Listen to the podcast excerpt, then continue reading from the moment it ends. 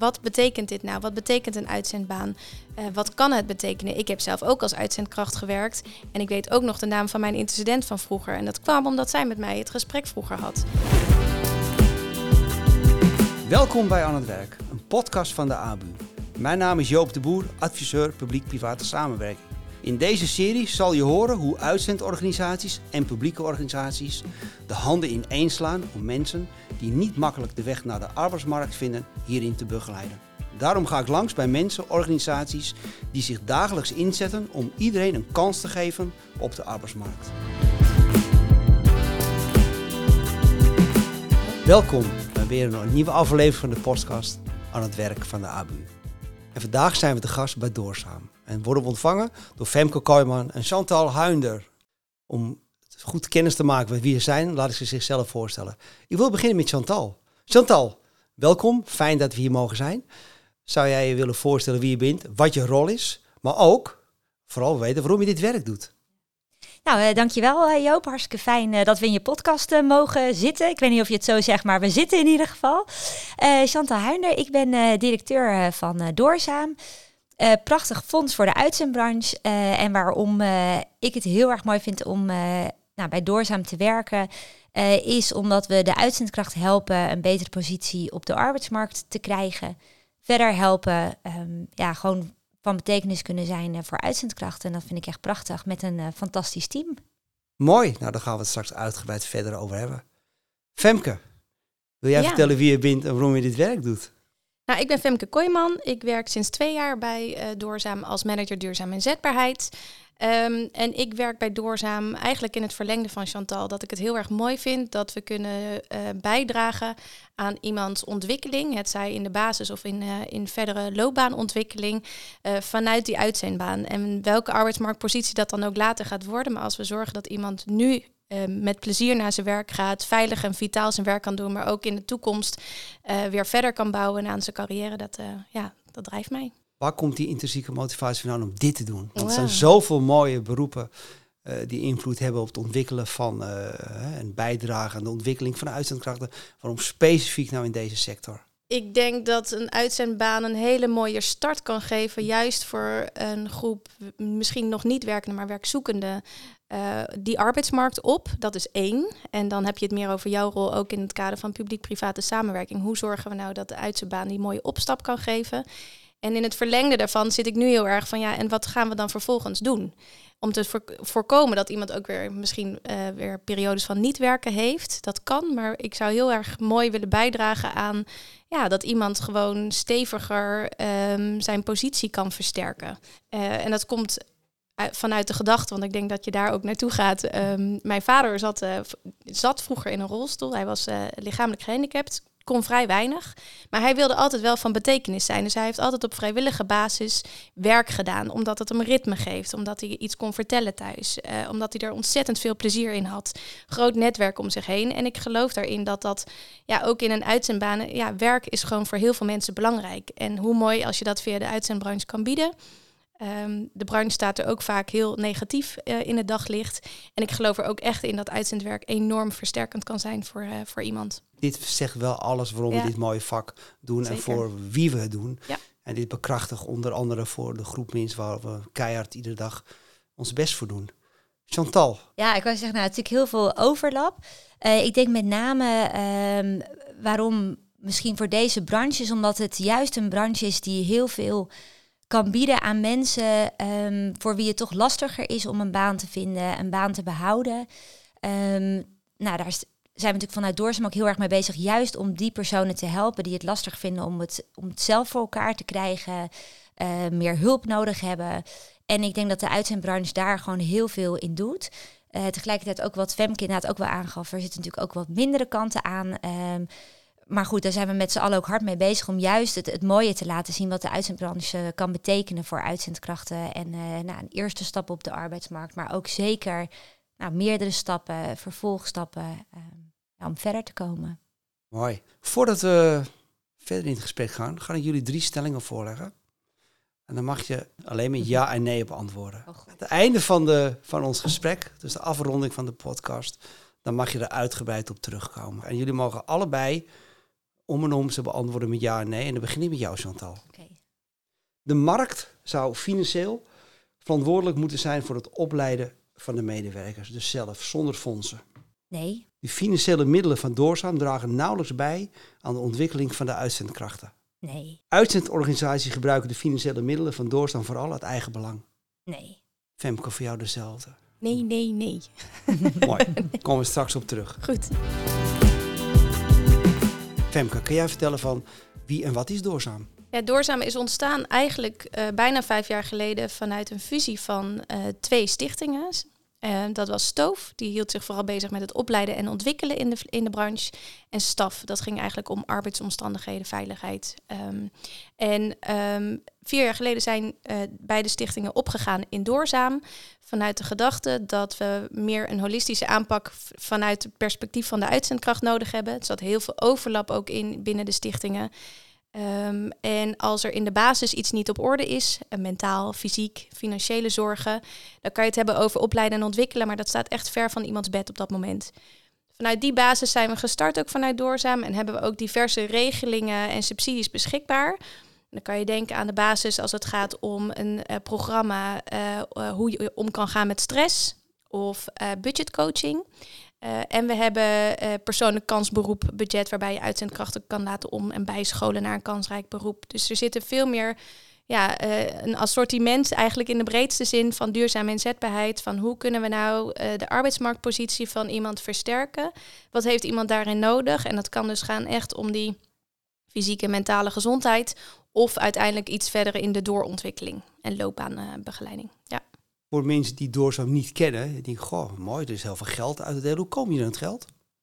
Wij worden gefinancierd vanuit de SFU, het Sociaal Fonds Uitzendbranche. Daar zit ook een CAO uh, aan vast. Uitzendorganisaties horen een deel van hun uh, loonsom als premie af te dragen aan, aan het SFU. En wij dienen daar jaarlijks een begroting op in. Uh, um, en hebben daarin, nou ja, dat wordt dan toegekend en hebben daar uiteindelijk dan ook uh, met, met onze regelingen en programma's uh, ja, een bepaald doelstelling in te behalen. Nou, misschien goed om ook nog te benoemen dat er ook een bestedingsverplichting zelf is in de CAO voor uitzendorganisaties. en dat we dat ook zeer omarmen dat zij dat ook zelf investeren. Dus dat is juist uh, om te kijken uh, inderdaad naar van nou, wat kan ik zelf voor mijn uitzendkracht betekenen.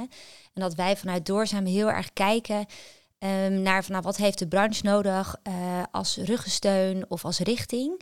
En dat we ook proberen onze dienstverlening met name daarop af te stemmen.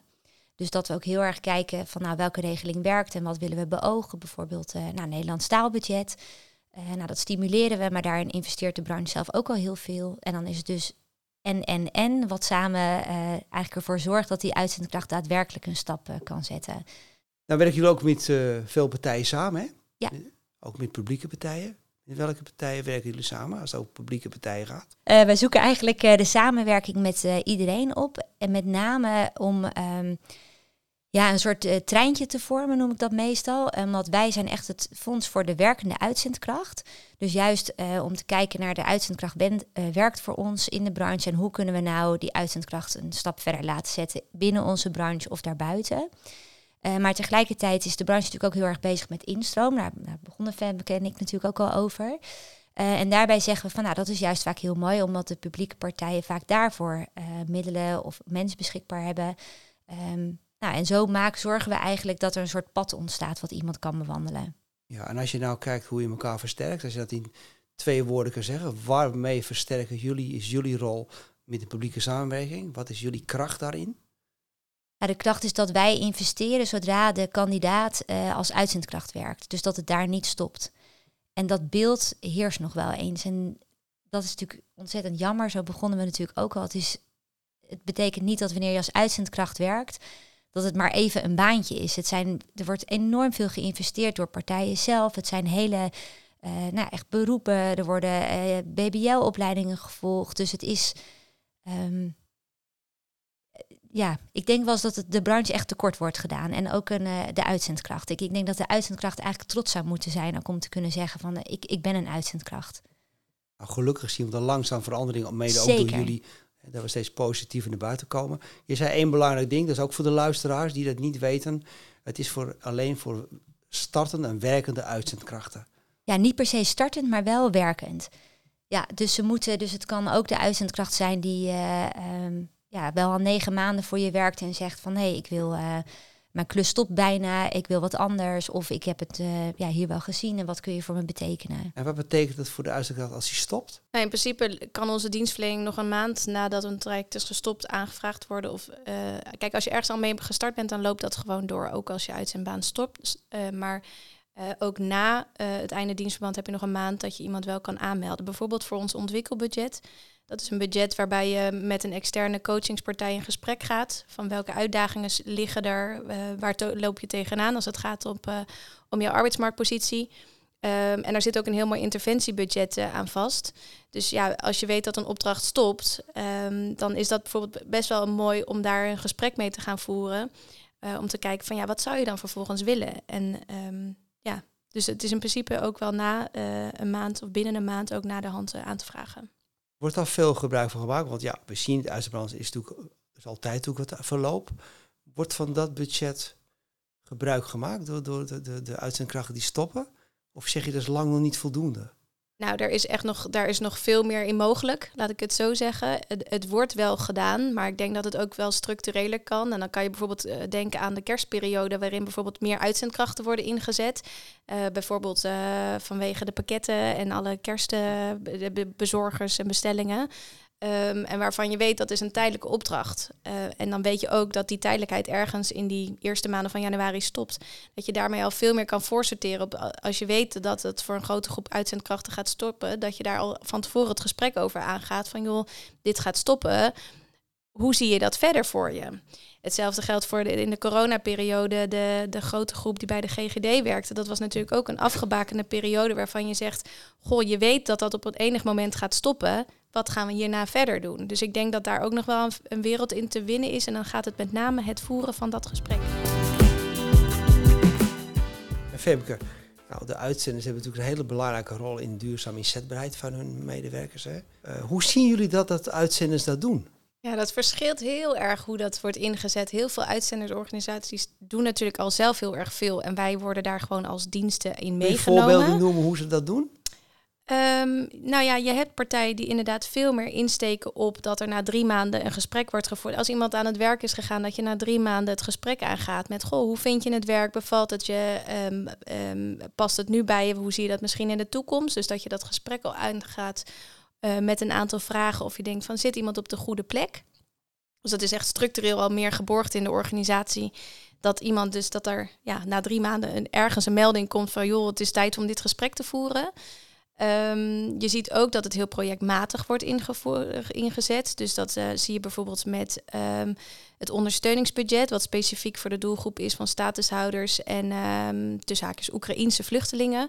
Uh, daarin zie je dat het veel projectmatiger wordt ingezet. Kun je, kun je iets over de inhoud, wat, het, wat houdt dat in het dat budget? Ja, dat is een vergoeding van 1000 euro. Eigenlijk bedoeld om iemand um, goed en veilig die arbeidsmarkt te laten landen. Dus als iemand wel aan het werk is, maar gewoon dat je zegt: hoe zorg je nou dat iemand ook niet uit komt te vallen? Um, en dat vraagt misschien wat meer begeleiding. Dat zien we gewoon dat er veel meer begeleiding aan zit. Um, en dat kan ook gaan om meer eh, zaken eromheen naast het werk die er lopen. Het kan ook gaan dat het um, specifiek een taalbehoefte is, dat de taal een barrière vormt om, um, nou ook in het kader van de veiligheid op de werkvloer, dat je zegt er zit iets waardoor we echt wel moeten investeren meer in die taal. En eigenlijk kan je dat soort zaken uh, dus met het budget invullen. Om of aanvullen. Misschien doe je daar zelf natuurlijk ook wel vanuit de organisatie zelf meer in. Om daar een beetje in tegemoet te Chantal, welke projecten zie jij specifiek? Een paar projecten benoemen van enkele uitzendingen. Goh, die zijn daar heel goed mee bezig. Dat zien wij. Dan hoef je geen naam voor de uitzending maar wat voor soort projecten, wat, wat voor budget ze gebruiken om echt die duurzame inzetbaarheid echt te stimuleren. Ja, wat ik wel mooi vind is dat uh, uh, je in de loop der jaren best veel organisaties uh, ziet die met kleine stapjes eigenlijk verder komen. Dus die inderdaad bijvoorbeeld dat gesprek invoeren. Uh, dan gaan ze kijken naar wat willen we uh, echt uh, voor het beroep, dus echt functioneel. En dan gaan kijken naar wat kan duurzaam erbovenop doen en steeds een stapje eigenlijk stapelen. En na jaren echt duurzaam inzetbaarheid hebben verankerd binnen hun bedrijf. Eh, en ik vind het heel erg mooi omdat je dan echt ziet dat uitzendkrachten dus ook trots zijn dat ze voor die uitzendpartij werken. Maar dat ook de medewerkers heel trots zijn dat ze daar werken. Dus het is echt een en-en. Um, en je ziet dat er veel uitzenders zijn die natuurlijk nu echt met de krapte bezig zijn. Dus ook echt hele lange opleidingstrajecten aanbieden. Uh, waarmee iemand een, uh, een toekomst nou, beeld heeft. Dus ook al uh, jaar, anderhalf jaar. vanmiddag sprak ik nog met iemand die echt vijfjarig trajecten biedt. Dus toekomstgericht. Nou moeten ze jullie wel weten te vinden. Ze moeten het bestaande hebben. We noemen nu een mooi voorbeeld. Dus die uitzenders weten jullie te vinden. Hoe doen jullie dan dat jullie die uitzender bereiken? Ja, we zijn dat steeds verder aan het uitbreiden. Dus uh, vaak begint het bijvoorbeeld dat een partij of met een vraag komt bij ons en dan plannen we een adviesgesprek in. Um, daar start het vaak mee. Uh, en je ziet dat we dat langzaam aan het uitbreiden zijn. En dat kan wel zijn dat bijvoorbeeld eerst een partij start met één uh, regeling en vervolgens kijkt van oké, dan gaan we het gesprek aan van nou, hoe ziet, waar loop je eigenlijk, hoe ziet jouw business eruit? Waar ben je mee bezig? In welke sector? Welke doelgroep? Kunnen we eventueel andere regelingen ook voor jou uh, van betekenis zijn. En tegelijkertijd uh, proberen we ook door meer, op pad te gaan, echt bij de uitzendorganisaties langs, dat je een soort kennissessies organiseert met mensen die ook op de vestiging werken, dat ze ook wat beter bekend zijn met wat Doorzaam allemaal kan bieden. Um, zodat ze, zodra ze een uitzendkracht spreken of weten wat er aan de hand is, dat ze ook wat meer weten van, oh, daar kan ik wel misschien iets vanuit Doorzaam voor, uh, voor inzetten.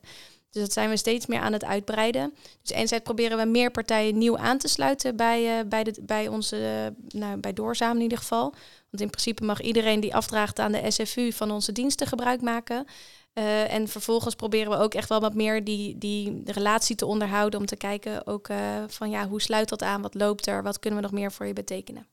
Natal, en zie je dat groeien? Het aantal uh, ja. het gebruik ervan de afgelopen jaren? Ja, zeker. We zien dat uh, elk jaar toenemen, dus dat is uh, super mooi. En tegelijkertijd vind ik het ook nog mooi dat we met nou, bestand, bestaande partners. Dat die ook meer um, dus doen. Wat ik eigenlijk net ook al zei in het voorbeeld. Dat ze ook steeds meer kijken van oké, nou we hebben nu dit stukje. die gesprekken lopen bijvoorbeeld lekker. Oh, wat kan ik nog extra gaan doen? En wat kan ik nog meer doen? Uh, nou, bijvoorbeeld met uh, financiën zien we veel partijen die ook um, op de loonstroken bijvoorbeeld verwijzen naar onze budgetcoaching. Of kijken naar van hoe kunnen we nou die uitzendkrachten ook eigen regie geven. Dus ja, de gesprekken, maar bijvoorbeeld ook op um, de pagina's van de uitzendkracht. Of, of sommige partijen hebben portalen of nou, digitaal iets dat ze ook verwijzen naar ons. Dus het wordt steeds meer een en-en. We waren onlangs bij een partij en dan zie je dat zij uh, bijvoorbeeld een kennissessie hadden georganiseerd voor al hun nieuwe intercedenten. Dus dat is dan hebben ze twee dagen en dan waren wij ook die twee dagen allebei aanwezig om iets te vertellen over doorzaam. En daarna volgde dan ook een, uh, een sessie met de regio-managers. En vervolgens was er ook een afspraak met de directeur om eens bij te praten. En dan zie je dat het eigenlijk in alle uh, lagen van een organisatie hebben we dat gesprek. En dat is gewoon echt het meest waardevolle. Want dan heb je het zowel op directieniveau als echt op de werkvloer. Dat mensen bekend zijn met ons. En dan geef je het ook wat meer een gezicht en een praktische invulling. Nou, dan hebben we het natuurlijk over de groei. Hè. Dat gaat steeds beter, weet meer bereik. Maar er zitten ook zeker belemmeringen waarom het niet lukt. Ja. Kun je enkele belemmeringen echt voorleggen waarom je zegt, god, dat is echt een belemmering waarom we er niet doorkomen. Of waarom we minder bekend zijn, of waarom we minder groei hebben. Ja. Um, nou, ook wel het voorbeeld wat FEM eigenlijk als successen aanhaalde van alle lagen. Uh, wat we daarin ook wel zien is dat we bijvoorbeeld soms heel um, hele mooie gesprekken op directieniveau hebben, maar dat het toch heel lastig te implementeren is. Want het betekent wel, uh, nou, als we het over gesprekken hebben of over onze dienstverlening, uh, ja, je moet er toch nog wel wat voor doen. En die tijd moet dan ook gegeven worden, bijvoorbeeld aan een incident. En vice versa, zeg maar, kan het zijn dat je um, een aantal hele enthousiaste incidenten hebt of, of stafmedewerkers die gaan uit dienst. En dan merk je eigenlijk, oh, dat was eigenlijk de enige persoon met wie we zo'n goed contact hadden. Dat we denken, oh shoot, met, nu moeten we weer opnieuw beginnen. Dus het is heel belangrijk om inderdaad uh, ja, eigenlijk contacten uh, overal uh, te hebben. Ja, en we hebben gewoon toch iedereen nodig die, die helpt ook met ons bekend te maken. Dus die ook wijst um, ja, op van ben je bekend met doorzaam, wat ze voor je kunnen betekenen. Um, en dat heeft ook gewoon tijd nodig. Zeker, ook tijd, maar ook inspanningen. Femke, ja. wat zou er nodig voor moeten zijn om enkele belemmeringen toch weg te kunnen nemen? Want je noemt er een paar, dus de belemmeringen zijn bekend. Ja. Toch zijn ze er nog? Wat is er voor nodig? Maak duurzaam inzetbaarheid een KPI uh, van je organisatie. En dan echt van de vestiging bijvoorbeeld. En hoe, en hoe zou je dat zien? Kan je dat eens toelichten? Wat bedoel je met een KPI voor de vestiging? Nou, je, vestigingen worden vaak aangestuurd op KPI's. Uh, uh, en, en, mensen worden aangestuurd op KPI's. Daar zit vaak een beloningssysteem uh, aan vast. Maar je ziet ook natuurlijk dat er veel al gaat het dan om plaatsingen. Um, en de duur van de plaatsingen bijvoorbeeld. Maar echt bijvoorbeeld hoe vaak, hoeveel tijd heb jij vrijgemaakt om die gesprekken te voeren? Uh, dat is geen onderdeel van een KPI. Of hoe vaak heb jij uiteindelijk um, bijvoorbeeld scholing ingezet uh, voor mensen? Of um, de, de, in de breedste zin maakt duur, dat, laat ik vrij aan een vestiging of aan een organisatie hoe je dat vervolgens invult. Maar ik denk dat dat wel een hele belangrijke belemmering is. Want als jij wordt aangestuurd op acquisitie en daar zit een KPI aan vast, ja, dan gaat dat voor. En dat snap ik ook. En jouw opdrachtgevers hebben ook natuurlijk met die krapte een enorme vraagbehoefte. Dus die druk is daar ook heel erg groot op zie uitzenders nog steeds te weinig de waarde van ontwikkeling, dat op lange termijn eigenlijk, dat ze daardoor, ik zie Femke al ja knikken, dat daardoor als hun medewerkers ontwikkelen, ook langer bij zich houden, daardoor ook uh, groei van hun bedrijf genereren? Ja, je, het, het, wordt zeker wel gezien ook. Het wordt steeds meer gezien. Maar uiteindelijk er echt naar praktisch naar handelen, dat is nog best een uitdaging. En het is ook vanuit het perspectief van de uitzendkracht, moet ik zeggen hoor. Want ook door de krapte hebben zij veel meer zekerheid dat ze langduriger aan het werk kunnen zijn. Dus is er ook minder de noodzaak om vervolgens te gaan investeren op misschien wel uh, loopbaan of andere trajecten. Dus dat is ook best wel een uitdaging. En dat zagen we nu ook van ja, ik weet nu ook al dat ik over twee maanden nog werk heb. Dus waarom is dit voor mij nu, vind je dit voor mij van, eh, interessant? Het is natuurlijk ook een een intrinsieke motivatie die de uitzendkracht moet hebben om hiermee aan de slag te gaan. Zeker, maar ook een rol voor de, van de uit, uitzendorganisatie om zijn medewerker op te wijzen van hey, als je wil groeien in de toekomst, kunnen wij jou helpen. Zeker. dus het is, het is, het is een, van, van, beide, kanten op. Ja. ja. dat is mooi. En misschien nog wel mooi om aan te vullen dat ook niet elke uitzendkracht altijd even enthousiast is om te gaan leren, om een opleiding te volgen.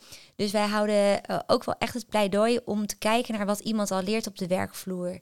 Um, het vertrouwen te geven aan die kandidaat, uh, te vragen naar de skills, naar hobby's, uh, naar andere zaken die diegene doet. En niet alleen maar te kijken of die past op het plaatje waarvoor jij hem even tijdelijk misschien nodig hebt. Maar echt al verder te kijken en breder te kijken en ook nou, die kandidaat aan te sporen van joh, je hebt al heel veel, veel meer in je mars dan dat je denkt. Uh, er zijn ook andere manieren om te leren. maar dan hebben we ook nog de rol van de overheid hierin? Nou, je ziet uh, dat uh, binnen de overheid een leven lang uh, ontwikkelen en een leercultuur hoog op de agenda staan. Dat zij ook wel heel zoekend zijn naar van nou, hoe kan ik nou een leercultuur bevorderen. Ook wederom naar de eigen regie.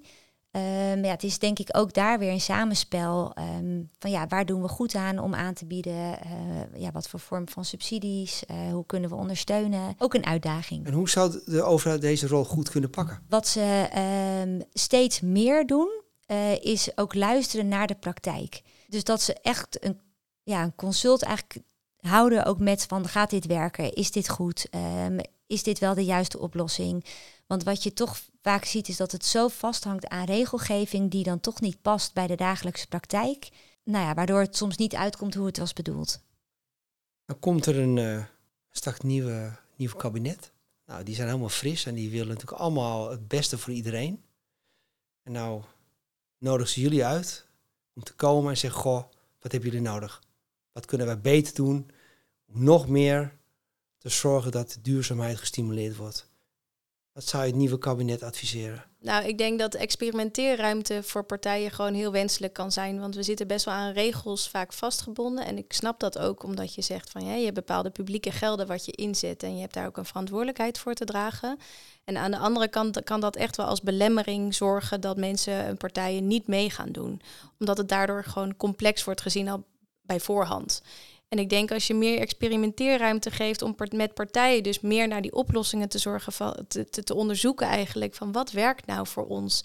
En is dat uiteindelijk uit te breiden vanuit een heel klein, klein, klein beginsel en uit te breiden, dan denk ik dat je daar uh, misschien wel weer voor hele vernieuwende ideeën en, en, en plannen kan komen. In plaats van dat je het vooraf allemaal al dichtgetimmerd moet hebben. Maar ik weet dat dat ook een enorme uitdaging is. En dat snap ik ook, want ik vind dat ook. Je hebt een verantwoordelijkheid te dragen. Ehm, maar vanuit het gedachte dat men het goed wil doen, en zeker als je het hebt over leven lang ontwikkelen en een leercultuur uh, van de grond krijgen, ja, is, is dat wel denk ik een, um, een, wenselijk uh, idee. Ja, plan. Mooi. Uh, de afgelopen maanden, zeker het afgelopen jaar, maar het wordt steeds actiever. Dan hoor je het ontwikkelen op mensen over naar skills. hoe zien jullie die verbinding dat met jullie? Um, nou, zeker een belangrijke verbinding. Dat heeft ook heel erg te maken met wat je leert in de praktijk. Dus welke skills uh, heb je. Het, het nodigt ook uit om meer te kijken naar wat is nodig om een bepaald beroep te doen. In plaats van een papiertje wat vaak al achterhaald is op het moment voor de arbeidsmarkt achterhaald is op het moment dat je het hebt behaald. Uh, ook ontzettend moeilijk om bij te benen hoor, overigens. Uh, um, dus het is een heel mooi gegeven dat we meer naar skills gaan. Tegelijkertijd ook vrij lastig omdat je dan ook weer zit in dat speelveld van arbeidsmarkt en onderwijs. Um, waarbij je eigenlijk wil valideren en aan de andere kant ook wil luisteren naar wat een kandidaat op de werkvloer heeft geleerd of, of in zijn hobby's of waar dan ook.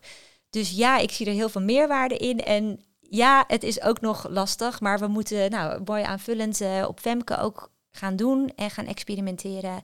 En dan uh, komen we vanzelf wel op het juiste antwoord, uh, denk ik. Willen jullie nog iets voordat we afronden, iets zeggen, iets toevoegen waarvan, goh, dat had Joop echt moeten vragen? Nee, ik denk dat het gewoon heel mooi is om uh, inderdaad te kijken naar wat je allemaal al doet. Want dat zei Femke ook al eerder. We hebben ook veel partijen die onderschatten soms ook wat ze doen. Uh, dus kijk naar wat je belangrijk vindt, wat je ook wil betekenen voor jezelf en in de maatschappij en hoe wij je daarbij kunnen ondersteunen. Het is echt een en en en, maar het is een gemiste kans als je niet met ons in gesprek gaat. Nee, ja, ik denk dat het gewoon heel erg ook in het, in het kader van um, uh, het beeld van de uitzendbranche heel erg goed is om ook met elkaar die gezamenlijkheid het uit te dragen. Wat betekent dit nou? Wat betekent een uitzendbaan? Uh, wat kan het betekenen? Ik heb zelf ook als uitzendkracht gewerkt. En ik weet ook nog de naam van mijn intercedent van vroeger. En dat kwam omdat zij met mij het gesprek vroeger had. Als zij mij niet op die manier uh, op zo'n positieve manier met uitzendwerk in verbinding had gebracht, dan was ik misschien later nooit in deze branche verder werkzaam geweest. Dus ik denk ook van weet goed dat een uitzendbaan je ook. Um, het zijn uiteindelijk uitzendkrachten, zijn je beste ambassadeurs in het leven. En ik denk dat we dat met elkaar veel meer kunnen uitdragen. Wat iemands verdere arbeidsmarktpositie ook is. Maar ik denk dat het geeft je wel kleur. En wat ja, dat we dat veel meer met elkaar kunnen uitspreken en laten zien. In plaats van alleen de invulling van een vraag van een opdrachtgever of een opdracht of een project. Maar dat je veel meer kan, oké, wat draagt het nou voor op, op mensniveau voor iemand bij? Mooi. Ik denk dat we dat meer uh, kunnen laten zien. Allebei ja. mooi. We ronden het gesprek nog niet af, want we hebben nog drie hele mooie stellingen. Ja. Ja, daar zou nog op terugkomen. Straks nog eventjes opnoemen. Ja. Dan mogen jullie allebei uiteraard je ja of je nee's op uh, beantwoorden. De markt zou zelf financieel verantwoordelijk moeten zijn voor het opleiden van medewerkers. Ja, ik heb nee gezegd omdat ik geloof dat fondsen nodig zijn uh, om, nou, wat ik ook al zei, om dat te doen wat de markt juist nog niet oppakt. En dat ze juist ook uh, uh, de richting en ruggensteun van een fonds kunnen gebruiken. Die verder kijkt, die over alle belangen heen kijkt. Uh, die, ja, en die daar dus middelen voor beschikbaar stelt. Ik vind het dus ook wel heel belangrijk dat je kijkt als fonds Um, moet ik dit wel doen? Of is dit iets wat de markt wel zou moeten oppakken? Want ik vind het wel ongelooflijk belangrijk dat de markt het zelf oppakt. En dat dus daar DI in verankerd is. En misschien is dat ook wel het, uit, het, uiterste, het mooiste. Dat je er eigenlijk niet meer hoeft te zijn, omdat de markt echt alles oppakt. Maar ik denk dat dat nog wel uh, lang duurt. Niet alleen voor de uitzendbranche overigens. En voor jou, Femke? Ja, vanuit dezelfde gedachte. Idealiter heb je, eh, zou je geen fonds nodig hoeven te hebben. Maar de, de, de markt is altijd in beweging. De arbeidsmarkt is in beweging. En ik geloof dat er altijd andere uitdagingen dan vanzelf weer tevoorschijn komen. En ik denk dat je daar als fonds dan in kan ondersteunen om die uitdagingen ook mede op te pakken. Um, daar waar het anders lastig is op bedrijfsniveau of op vanuit werkgevers uh, te doen. Dus ik geloof dat je dat als een soort van ruggensteun inderdaad kan hebben. Uh, juist ook als het gaat om moeilijkere doelgroepen of vraagstukken. Um, ja. Mooi. We hebben nog de tweede. De financiële middelen van Doorsam dragen nauwelijks bij aan de ontwikkeling van de uitzendkrachten. Chantal. Natuurlijk een nee. Want uh, ja, het, het gros gaat uh, naar de uitzendkracht.